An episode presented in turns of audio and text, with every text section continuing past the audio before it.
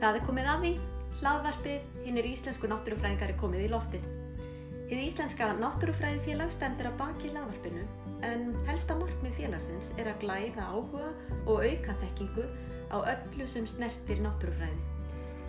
Í hlaðvarpinu munum við fá til ykkar góða gesti sem allir eru náttúrufræðingar. Við tvær sem stýrum hlaðvarpinu erum báðar stolti náttúrufræðingar. Ég heiti Hafdís Hanna Æsdóttir og er plöntuvistfræðingur. Og ég heiti Helena Vestöver Óladóttir og er umhverfisfræðingur. Við vonum svo sannanlega að þið njóti hlaðvarpsins og við hlökkum til að vera með ykkur í vetur.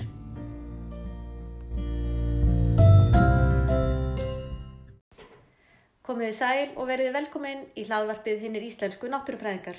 Ég heiti Helena og með mér hér í dag er Ég heiti Hafdís Hanna og við erum báða náttúrufræðingar við Helena.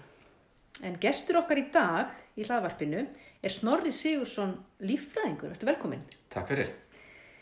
Já, þau við byrjum bara á fyrstu spurningunni. Hver er náttúrufræðingurinn Snorri?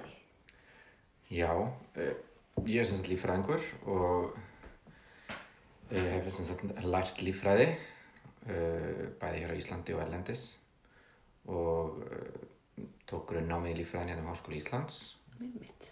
útskrifaðist fyrir hvað? Mér er að reikna í hugunum, 16 ára síðan, Já, 2004. maður er svo fljótur að gleyma Þetta mig. gleyma og, og tók svo master í Englandi. Ég var svona aðeins ekki alveg viss svona hvað ég hefði áhuga á. Ég var í svona hefðbundinni almennu líffræði hér heima, kannski svona meira stígvila megin eins og við kallum það. Það er líffræðingarnir sem eru svona í vistfræði og, og, og dýrafræði eða grasafræði slíku, eru svona út, utan dýra. Hinn eru svona sloppalíffræðingar.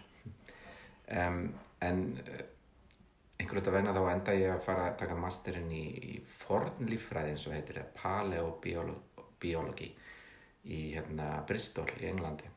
Og það var einhver svona gömul uh, ástriða fyrir risaðurum sem dróð mig í það.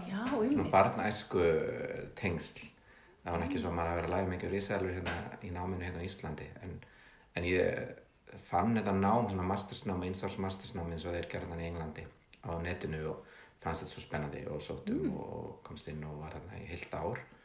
Mjög skemmtilegt um, í Breitlandi um, Og hvað um hvað, sagt, fjallaði? Þetta fjallaði um það sem ég hefði áhuga sem var þróun lífsins og svona ímsir hópar lífvera og, og hvernig lífið var á jörðinni fyrir mörgum miljónum ára síðan. En auðvitað var þetta líka mikið jarðvísind, þetta var kent í jarðfræðadeildinni hérna á- í University of Bristol og uh, það sem er svona yfirleitt uh, kannski þá uh, kent svona í tengslu við þróun lífsins er þá stengjurengafræði, setlafræði og svo leiðis allt mjög áhugavert en svona ég áttaði mig á svona bara í þessum stutta tíma sem var að núti að stengjuringarnir sjálfur voru kannski ekkert svakalega spennandi. Að dútla við að bóra í grjót og það var kannski ekki alveg sem var að leita eftir. Þannig að um, þetta var mjög skemmtilegt nám en, en ég er svona ákvað að bakka hans aftur yfir líffræðina þegar ég fór síðan no- nokkrum árum setna í doktorsnám. Og það var í Bandaríkunum í New York borg. Um, og það var í meira svona þróunar líffræði og sérstaklega flokkunarfræði lífvera um, sem heitir að systematics sem er um hvernig uh, lífverur eru flokkar. Uh, og þetta er náttúrulega gömul svona grein innan líffræðinar náttúrulega Linnaeus og Linnaeus-kerfið er náttúrulega það sem flokkunarkerfi lífver í dag er ennþá byggt á. Og þannig að þetta er rótgróin fræðið en hefur tekið miklu breytingum svona þessari öld sérstaklega út af bara gögnunum sem eru notuð við að uh, flokka lífverur eftir skildleika það snýst ekki bara um, um að skoða sínileg einkenni eins og útlit eða atverðli eða, eða lífælisfræði eitthvað slíkt heldur þetta nú náttúrulega meira svona gena samanburður Já. En þú segir að þú hafi verið að elda svona æskudraumin um, um risaðlur sem kannski einhverjir geta tengt við. Mér dettur nú bara í hug sko Jurassic Park sem var svona fyrsta reynsla manns af risaðlum. ég mitt, En ég og var mikill örugglega aðdáandi. margra. En hérna, uh, hvaða hugmyndir hafið þú um þá náttúrufræði eða líffræði sem grein? Hvernig, já, þegar þú varst að byrja? Já, ég, ég, ég vekka nú svolítið með móður og föður mjólkinni því báði fóröldar mín eru líffræðingar þannig að ég kynntist fæinu bara mjög snemma og ekki bara með því að heyra og fylgjast með því sem þau voru að starfa heldur var ég oft bara svona að flækjast með og var inn á vinnustöðum fóldar minna sem vinna bæði á Háskóla Íslands. Og móður mín var nýttar kennarháskólanum lengi áður hann rann sama við háskólan og uh, þannig maður kynntist bæði rannsóknum og kennslu í líffræði og auðvitað bara fræði greininni en svo hef ég bara alltaf líka mikið áhuga á dýrum og plöntum og var að lesa svolítið bækur aftur og baka og áfram sem, sem bann og auðvitað mikið út í náttúrinni og þetta einhvern veginn lág alltaf í loftinu. Það ég held að allir hefðu verið mjög hiss ef ég allt innu skráð mig í bókmyndfræði eða lögfræði eitthvað í háskólanum. Um, Þú verð ekki fara í uppreist nú hérna Nei, ég fór ekki í uppreist ég var, var á tímabili, ég var landfræði er nú kannski langt Nei. að fara en enda líffræðinu var mjög ánægð með það og, og, og, og fengið tækifæri til að vera bæði nefandi fóreldrar minna og starfa með fóreldrar mínum við kennslu og, og þetta er mikið fjölskyldu hobby líffræði Já, þú veist kannski upplýsa, já, hlustendur okkar Hverju eru? Já, það eru kunnulega örglega mörgum. Það er Sigur Snorarsson, professor við Háskóli Íslands, líf, líf, hvað heitir það núna? Líf og umhverfisvístadeild, Já. þetta er alltaf breytum nafn. Og Hrefna Sigurðsdóttir sem er á mentavístasviði, sem var þetta kennar háskólinn. Nákvæmlega, og hvað svo? Þú fórst til New York og, og hvað gerði svo eftir það? Já, það var náttúrulega þvílíkur skóli. Ég var þar í fimm ár í, í hérna, skóla sem heitir City University of New York, það kallar CUNY. Ég hafði ekki hugmyndum hann á skóla og fæsti veit um hann, hann er mjög stór, hans þetta er ekki af borgin, þetta er ekki svona prívat skóli eins og flesti frægu háskólanir í bandaríkanum. En bara öflugur skóli og, og, og ég var svo heppinn að leiðbyrjandi minn og, og það sem ég raunin var staðsettur allan tíman var á risastóra náttúrýpasamninu American Museum of Natural History sem er náttúrulega glæsilegasta náttúrýpasamni í heimi og alveg magnaðast þar til að vera á til forréttindi. Ég var þar sérst í fuggladildinni sem er flott dild um, með skrifstofi við Central Park, það var alveg luxus lífa á mér.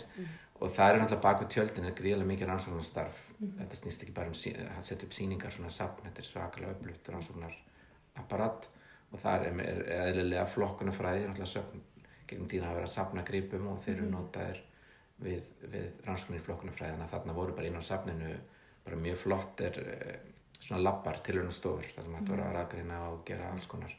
Þetta var fyrir eh, já, 12 árum 13 árum sem þetta byrjaði þannig að síðan þá hefa, veit ég, aðferðufræðin og kvæknin veit hefur breyst mjög mikið. En, en þetta var mjög spennandi og svolítið nýtt fyrir mig. Ég var, var svolítið sloppalíf fyrir einhver hérna. En sko, þegar maður segir New York, Já. þá dettur öruglega ekki öllum sko líffræði í hug heldur stórborgin með sínu yðandi mannlífi Mhm. og, og borgar menningu sko. Þannig að hvernig stóða því að New York og þessi háskóli var fyrir valinu? Hvernig, hvernig velum maður svona háskóla sem er ekki einn af þessum stóru frægu og, og, og Já. hvernig kom það til? sko það finnar að vel borgin sem reyði frekar heldur en námið eða, eða, eða fræðin sko. Ég hafði nýlega komið fyrst sinn til New York og bara fjall alveg fyrir þessari borg og langaði mikið að flytja ánga og svo fór ég líka át að sapn fjall líka fyrir því og ég bara með smá einhvern netgrúski komst það að þarna var bara búið alls konar spennandi ná og hætti með þetta sækjum í háskólum að vera samt tengdur hérna þannig að ég hafði bara samband við þennan leiðbyrnenda minn sem heitir Joel Craycraft og er svona yfir fugladildinni svona frægur kall í bransanum. Og hann bara tók þessu vel og leist vel á mig og bara kvætti um sækjum og ekki bara þarna heldur líka í Columbia sem er náttúrulega mm. stórskólanum. Það tókst nú ekki komast þangað en ég komst þessa leið sem rauninni breytti fóða litlu fyrir mig því ég var hérna á þessu safni fyrst og fremst og það er alltaf frábært líka bara það er, það er samfélag ekki bara fræðinga og rannsóknar fólk heldur líka bara stúdenta mikið af stúdentum inn á safninu þannig að það var mjög skemmtilegt. Og svo alltaf borgin frábæra gaman að búið í New York þetta var skemmtilegt tímar vandaríkanum þetta var þegar Obama sigraði fyrsta sinn og það var svona, svona skemmtilega orka ég veit ekki hvernig það hefði verið svona ef maður hefði það síðustu árin en, en hérna bara mjög mjög mikil skóli. En þráttur að kunna mjög vel við mig í náminu og finnast fræði mjög skemmtilega þá, þá átti þessi stað einhvers konar uppljómun hann á þessu fimm ára tímabili þar sem ég gerði mig grein fyrir að, að ég var ekkert endilega viss sem ég myndi vilja svona feta þessa rannsóknar braut og maður sáðu kannski sérstaklega í bandaríkjanum að, að jafn- jafnvel í einhver svona frekar þröngu fræðasviði eins og flokkunarfræði fugla, þetta getur ímyndið ykkur það er frekar þröngt að það er samt bara mikil samkeppni og, og mikil harka að fá störf og, og stöður og, og maður sá svona fólk sem kom með þess lengra var kannski útskrifað og var að sækja um postdoc og svolítið þetta var mikið streyta og mikið stress og álag og, og ég hugsa, þú veist, ég var alveg áhuga en hef ég kannski alveg þennan þessa ástriðu til að fara þessa leið og verið þessu harki mm. langaði var mér líka að koma einhver heimþrá og eitthvað þannig að ég, mm. ég bara fór heim og var bara opinn fyrir hverju sem er mm. þess vegna fari í einhver rannsóknir og halda áfram vera feta hennar akademísku braud eða ekki og það sem gerist var að ég gerði mitt ekki og hef ekki gert síðan ég útskrifast með doktorum fyrir já, sjö eða verða átt á síðan mm. En ástriðan hún er nú vissilega til staðar eða hvað? Já, hún kannski fór okkur aðra bröðir, hún kannski fór ekki mhm. út í rannsóknir og verða einhver sérfæðingur í, mm. í einhver einu tiltegnu, heldur meira þá kannski að, að skoða önnur svið mm. náttúruræðinar og, og, og, og kynnast uh, öðrum hliðum heldur en heldur hreinum rannsóknum án þess að vera algjörlega yfirgefa þann heim. Um, en ég hef þess að vera að starfa eiginlega hjá um ofinbæra hérna á Íslandi mm. um, lengst af og ennþá hjá Reykjavíkuborg og umhverjus og skipulasviði fekk þess að starfa fljóðlega eftir ég kom heim. Og þetta er þess að svona fjölbreytt uh, starf, stjórnsýslu starf og, og miðlunar og fræðslu starf uh, er rauninni svona lítstundum á mig sem fulltrúa náttúrunar í, í borginni mm. gagvart bara öllum, bæði kerfinu og almenningi og þannig að þetta verið mjög fjölbreytt og skemmtilegt starf sem ég verið svo heppin að hafa svolítið geta fengið að móta þetta var ekkert mjög fast móta starf þegar ég var aðanatni Einmitt og hvernig hefur svona nýtt já, þína þekkingu úr þínu námi í þetta starf? Já, það er náttúrulega margslega nátt, náttúrulega kemur bæðið með fagþekkingu ég er kannski ekki mikið að nýta mér sérhæða þekkingu í flokkunarfræði fuggla mm. í stjórnsýslu og sveitafélag í Íslandi en, en auðvitað er nám líka bara nám í að mm-hmm. læra og, og beita auðum vinnubröðum, vera skipulaður og sína þrautsegju, kynna sér fræðinn og beita alls konar aðferðafræði, stundasamskipti það er svo margt sko, sem, sem maður græðir á svona uh, miklu námi sem doktorspróf mm -hmm. nám sérstaklega er svolsveit þannig að það auðvitað hefur hjálpað mann heilmikið og, og, og, og veitir mann ákveðin þrósk til að takast á krefandi verkefni og já, en svo auðvitað bara grunnámið, gamla góða grunnámið náttúrulega gefur manni bara heilmikið þekkingagrunn mm. og svo kannski meira persónulega bara gegnum tíðina alltaf haft mikið áhuga á að kynna mér hluti um sérstaklega íslenska náttúru þannig að ég mm. tel mig vera ákveðlega fróðan mm. búa því mm. og það er, er, er mjög gaglegt mm. Þú segir og lítir á því sem svona umbóðsmann náttúrunar innan borgarinnar jáfnveil eða svolítið uh, getur þú sagt okkur einhver, einhver frákvæða verkefni það hefur nýstir og hvernig þá? Hva, hvernig þarf maður að tala máli náttúrunar inn í borgarkerfinu? Það er bara mjög margæslega nátt og mörgum vettvangi bara mjög mikilvægt að fá það eh, sjóna með hinn borgin er náttúrulega að gera alls konar með, mm. hún er náttúrulega bæðið að vaksa og, og stekka og starfa og, og umhverju skipula þessu þessum ég vinna það er náttúrulega að vera skipula ekki borgina og það snýstum að taka ákvarðunum um, hvað er að gera við landið í borginni. Meðal annars land sem kannski var fyrir eða er fyrir náttúra. Og þá þarf að taka ákvarðunir eða að fara að byggja það sem er mögulega einhver verðmætt náttúra. Hver allar að segja okkur hvort þessi verðmætt náttúra? Og þar kem ég inn í sem einhvers konar ágjafi þannig að ég er mikið í, það, í því að veita álit og hérna þessi skipulags mm -hmm. og framkvæmda verkefni stór sem lítill og síðan þetta er bara inn á borgarina líka fullt af náttúrsvæðum sem eiga bara að vera það og þar er náttúra og þannig að það er svona náttúruvendarvingill mm. mikil í þessu starfi að fylgjast með og vakta þessi svæði og, og bregðast við það kemur eitthvað upp á og, og miðla upplýsingum til, til þeirra sem eru að nota svæði hvort sem það er einhverju sem ætla að gera eitthvað stórtækilegt sem mögulega getur haft einhvern eitthvað áhrif eða bara þeir sem eru að njóta náttúrunar þannig að það er líka mikil fræðslu þáttur í þessu starfi og það þykir mér aðskapa skemmtilegt og ég fengi svolítið að, kannski vika út meira heldur en kannski eðlettir á þessu fagsviði borgarinnar. Það er kannski svona önnur svið sem er svona leiða fræðslu, náttúrulega skólufrísnusveðila sem er með allar skólana, grunnskólana og leikskólana. Það er náttúrulega aðal fræðslustofnanir borgarinnar.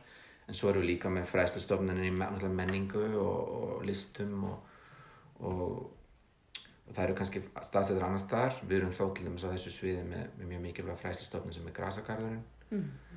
og vinnuskólinn. Og það, það, það er allt uh, stofnarnir sem eru á sömu skristu og ég hef mikið unni með.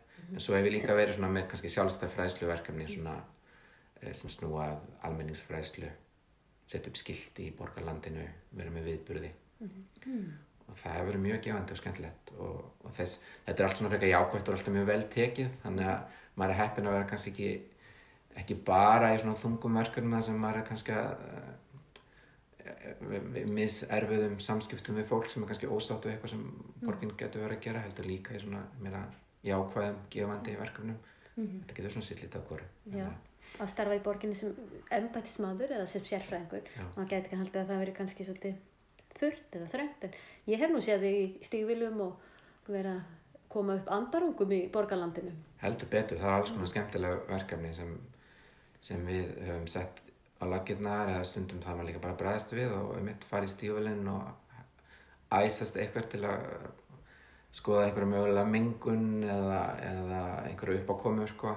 fólk er að ringja náttúrulega íbúar hafa mikið áhuga á náttúrunni í borginni og margir að ringja með oft með eitthvað skemmtilega erindin stundum með einhver áhyggjur af einhverju eða kvart undan einhverju og þá þá maður að breyðast við með einhverjum, einhverjum betrum bótum eða útskýra til dæmis af hverju gæsirnar eru ekkert bara til ama þó það séu að skýta á grasið þegar maður hafa þeir sko. þannig að, að, að þetta er mjög fjölbreytt sko. Já, ég og, heyri það, mjög fjölbreytt. og mikil samskipti og, og það, er, það er alltaf skemmtilegt Sýnum hvað lífræðin er fjölbreytt og, og náttúrufræðin.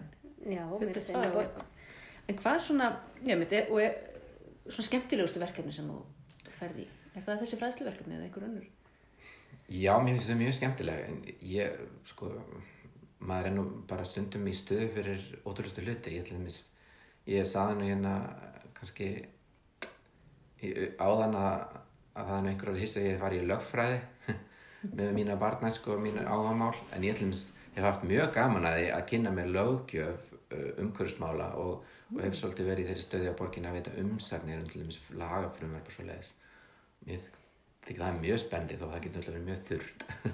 Að kafa onni svona, svona regluverk og, og skoða og meta hvað er hægt að gera betur og það náttúrulega hefur verið mikil breyting í, í lögju og regluverki umhverfsmála síðustu áratugum. Mikið nýjum lögum og nýju bættum lögum og, og mikið áherslum sem er að koma inn alþjóðlegar eða, eða bara eitthvað sem skiptur okkur meira málið sem er meira í umræðinni þannig að og sveitarfélög fá alltaf svona sendileg umsagnar þannig að hérna, ég hef svolítið verið mikið að, að veita umsagnir og ekki bara um lagafrumvarp, þetta líka bara eins og áætlanir hins og opinbera og, og svona stefnumótun og, og hef líka tekið þátt í stefnumótun í umhverfsmálum hjá borginni sem er, það hefur verið mikil mikil kraftur hjá Reykjavík og borg í umhverfsmálum síkast er mikil metnaður og, og eins og flestir hafa tekið eftir og mjög svona skýr stefna og hún er ekki allra og kallar ekki á ákvarðinu sem er ekkert alltaf sársöka lausar en,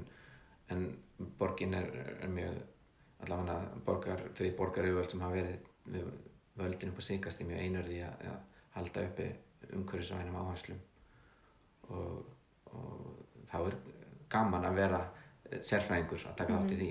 Og þú ert ekki bara að, að sinna svona málum kannski akkurat núna hjá borginni heldur ertu farin að starfa á öðru vettvangi líka? Já, uh, það nú bara nýlega var, var mér svona hálf stólið svona í, í tímabundið eh, svona hlutastarf hjá umhverfis og öðlundaráðanetinu og var bara svo heppin að borgin leiði mér að- stíga einstans liðar um, var sem sagt ráðin fyrir rúma ári síðan í fullt starf fyrst en er núna hlutastarf komin aftur borgarnar og það er eh, verkefni sem heitir framkomandi áallum náttúruminneskrár alveg hryllilega þurft stjórnsýslu heiti á mjög spennandi, skemmtilegu og mikilvæga verkefni sem er rauninni svona uh, að halda utanum áallun sem snýst um uh, náttúruvendra ákvarðan og landsvísu sérstaklega friðlýsingar og að friða tegundir og, og vistkerfi. Og þetta er áallun sem er bundin í uh, lög um náttúruvend sem eru núna maður alltaf tala um nýju náttúruvendalög það er orðin alveg fimm ára núna. En það er ennþá verið að framkvæma ímsa hluti þar í svona fyrsta sinn.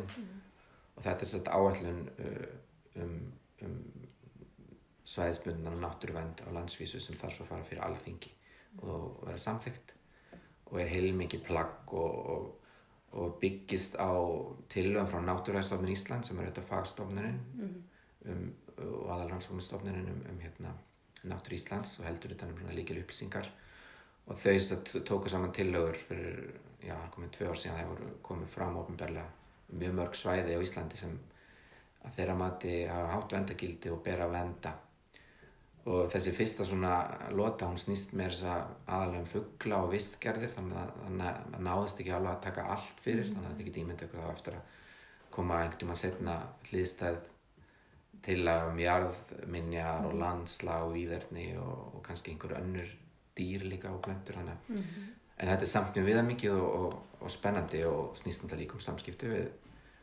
stofnarnir ríkisins og sveitafélag og, einhver tímapunkti kannski við, við hérna, landeigundur og annað sleikt þannig. Þannig að umbóðsmaður náttúrunar í borginni er kannski fann að verða umbóðsmaður náttúrunar á landsvísu. Já. Já, þetta er, þetta er náttúrulega meira kannski svona að sérhæðara verkefni en, en hérna, já, það má segja það að, að tryggja vendun líkil atriði náttúrunni, það er náttúrulega heilmikið verkefni. Einmitt, mjög áhugavert. En þú var líka að hugsa sko frá því að bara frá því að þú varst lítill drengur og, og þá, þessu hugmynd sem þú hafið þá um náttúrufræði og svo fórst, fórst í gegnum allt námið og er sem búið að vinna bæði hjá borginni og í stjórnaraðinu. Hvernig svona, hvað hefur komið þið mest á óvart? Bara við það að vera líffræðingur og þau störf sem að líffræðingar geta, geta stundar? Þú hugsað tilbaka því að kannski upphálega helst þú varst í rauninni hvað, ég veit ekki hvort það kom mér á óvart en, en maður svona sá alltaf betur og betur hvað líffræðin í rauninni er eh, breytt svið og mikilvægt og á erindi á marga staði. Ekki bara á erindi, heldur bara er nöðsynleg á mörgum stöðum. Og, og, og þetta snýst uh, fæðingin á náttúrun ekki bara líffræði heldur um ímislegt annað, önnur fræðasvið og, og líka, líka heilmikla kannski svona þekkingu síninni líka bara samfélagið og það er kannski eitthvað sem ég læri ekki mikið í náminu en hefur svona, maður hefur lært inn á í gegnum stjórnsýslun og vinni og ofinbera og þetta samspil er náttúrulega greiðlega mikilvægt og, og, og það það að, vera líffræðingur og, og, og kannski vera vinna við rannsóknir uh, og, og, og kannski festa svolítið í bara að, að einblýna einung, einungis á einhverju tiltegna rannsóknir og jú, jú, koma þeim til skilir réttan faraveg svona í vísindasamfélaginu.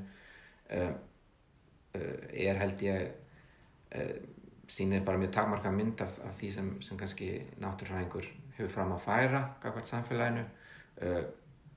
Það henda mörgum mjög vel að vera bara þar og þá er kannski bara verkefni annara til dæmis eins og ég í dag er uh, lítið út á mig sem einhvern sem er að kannski miðla tekkingu sem, sem aðri búa til eða uh, til aðeila sem taka mikilvæg ákvarðanir eins og, eins og stjórnmálamenn og fleiri.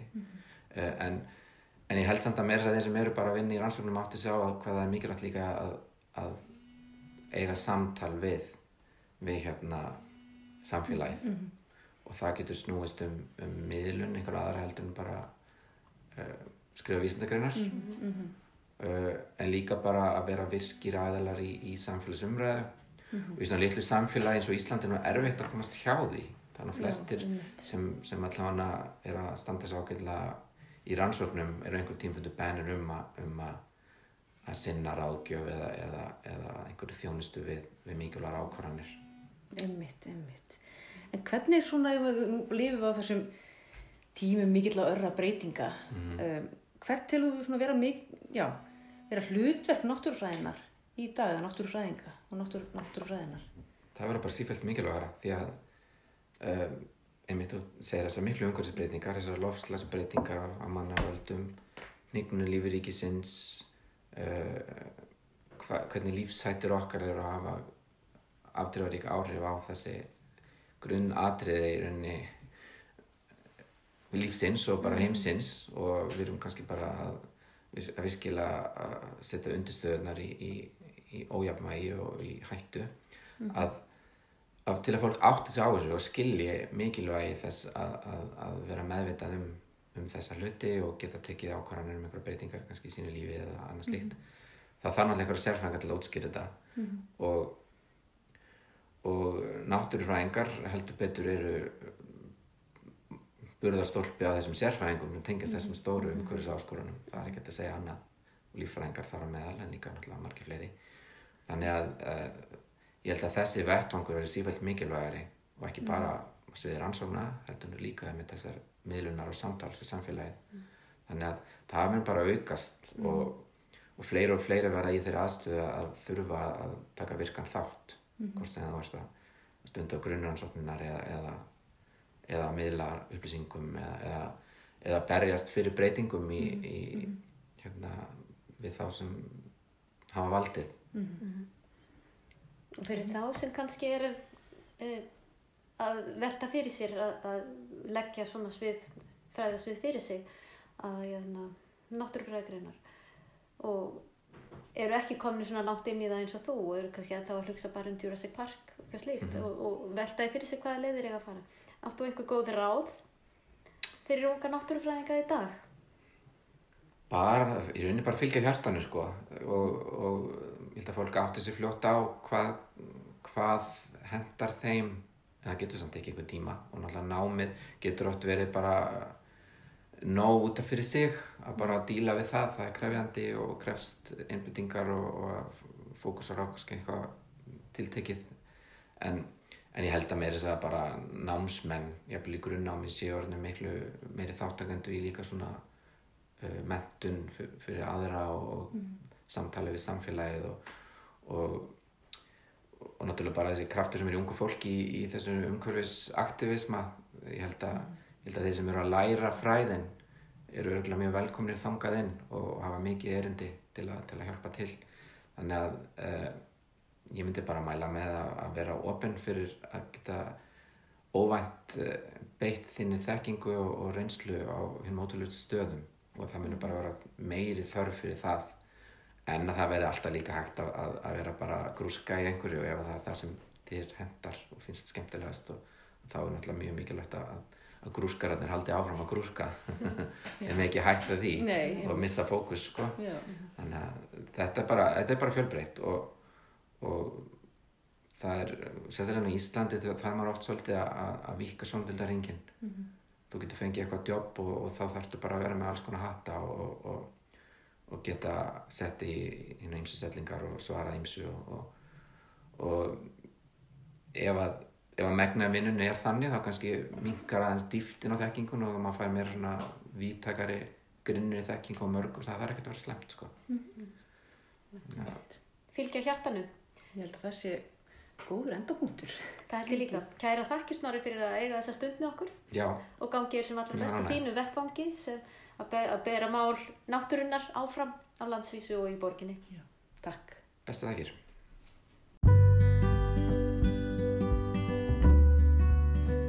Þetta var síðasti þátturinn í fyrstu serju hlaðvarpsins hinn er íslensku náttúrufræðingar. Eftir áramót höldum við Hafdís Hanna áfram að hitta íslenska náttúrufræðinga og fyrsti þátturinn í serju 2 fer í loftið 12. januar. Við hlökkum til að vera með ykkur kæru hlustendur með hækkandi sól.